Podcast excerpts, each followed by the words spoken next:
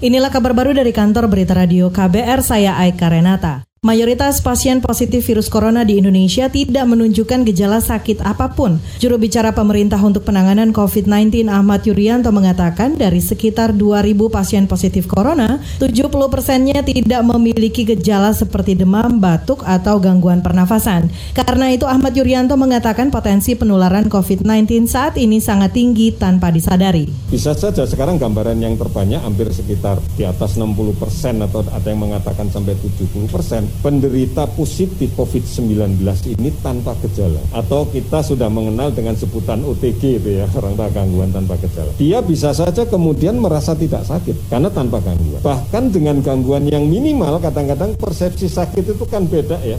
Juru bicara pemerintah untuk penanganan COVID-19 Ahmad Yuryanto meminta masyarakat yang nekat mudik untuk tidak mengabaikan imbauan pemerintah dalam menjaga jarak.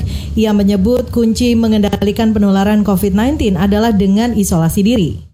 Kita beralih Yayasan Lembaga Bantuan Hukum Indonesia YLBHI mendesak pemerintah segera menerapkan kebijakan karantina wilayah untuk mengatasi penyebaran COVID-19.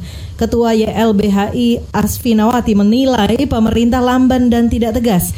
Ia menilai pemerintah tidak kunjung menerapkan karantina karena menghindari kewajiban pemenuhan kebutuhan dasar sehari-hari warga negara. Kalau kita lihat pemerintah menolak terus karantina wilayah ya, tapi mengeluarkan larangan mudik. Terus kemudian ketika dikatakan larangan mudik itu kan karantina wilayah, dicopot lagi, diralat, dikatakan tidak akan ada larangan secara formil, tapi akan ada kampanye besar-besaran untuk menolak mengurangi orang yang tidak ada mudik ini apa sih gitu ya ini saya ngelihatnya ini cuma ada pemerintahan yang lebih memikirkan keuangan ekonomi daripada keselamatan warga. Ketua YLBHI Asfinawati juga mengkritik sikap kepolisian yang bertindak sewenang-wenang meski belum ada penerapan pembatasan sosial berskala besar PSBB atau karantina wilayah. Kritik itu dilontarkan karena polisi menangkap 18 orang di jalanan yang dianggap melanggar aturan pencegahan virus corona. Saat ini saudara jumlah positif corona di Indonesia mencapai 2.200 orang dengan data meninggal sebanyak 123 orang.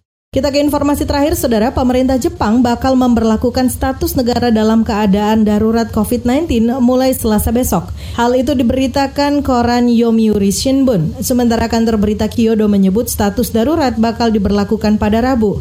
Mengutip Reuters, status itu diberlakukan setelah tingginya jumlah warga positif tertular virus corona.